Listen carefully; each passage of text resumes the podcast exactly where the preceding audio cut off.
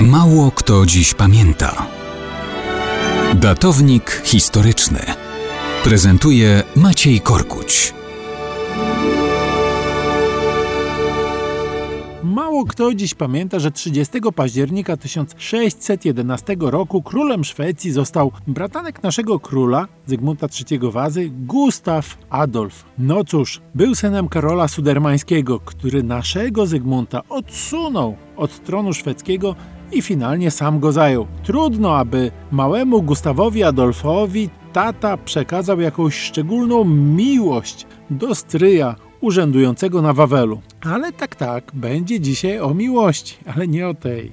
Kontakty rodzinne, jeśli tak to można określić, między Gustawem Adolfem a Zygmuntem realizowały się poprzez szwedzko-polskie wojny. A to nie było takie proste, wszak wiemy, że Gustaw Adolf szybko zasłynął jako największy strateg swoich czasów, któremu legenda dała przydomek Lew Północy. Na szczęście nie tylko z Rzeczpospolitą musiał i chciał walczyć, ale no właśnie zaraz, ale ale miało być o miłości, a nie o wojnach z Polską, Litwą, Moskwą i w wojnie 30-letniej. Nie, nie, nie. Wracamy do miłości. Lew lwem, ale serce, mimo że też z zimnej północy pochodzące, Gustaw Adolf miał całkiem gorące. Jego wielką miłością była hrabianka Ebba Magnus Dotter Brahe, młodsza, słynąca z urody, ciemnooka córka wielkiego ochmistrza Królestwa Szwecji. Nie wiadomo, jak tam dokładnie się ich wzajemna miłość rozwijała na osobności. Do alkowy zaglądać nie będziemy. Wiemy, że były pisane przez młodego króla gorące listy do Ebby Brahe, a sam Lew Północy zamierzał po prostu się z nią ożenić i posadzić ją u swego boku na szwedzkim tronie. Posadził? Nie posadził. Kto stanął na przeszkodzie? Zapobiegliwa królowa matka Krystyna Holsztyńska,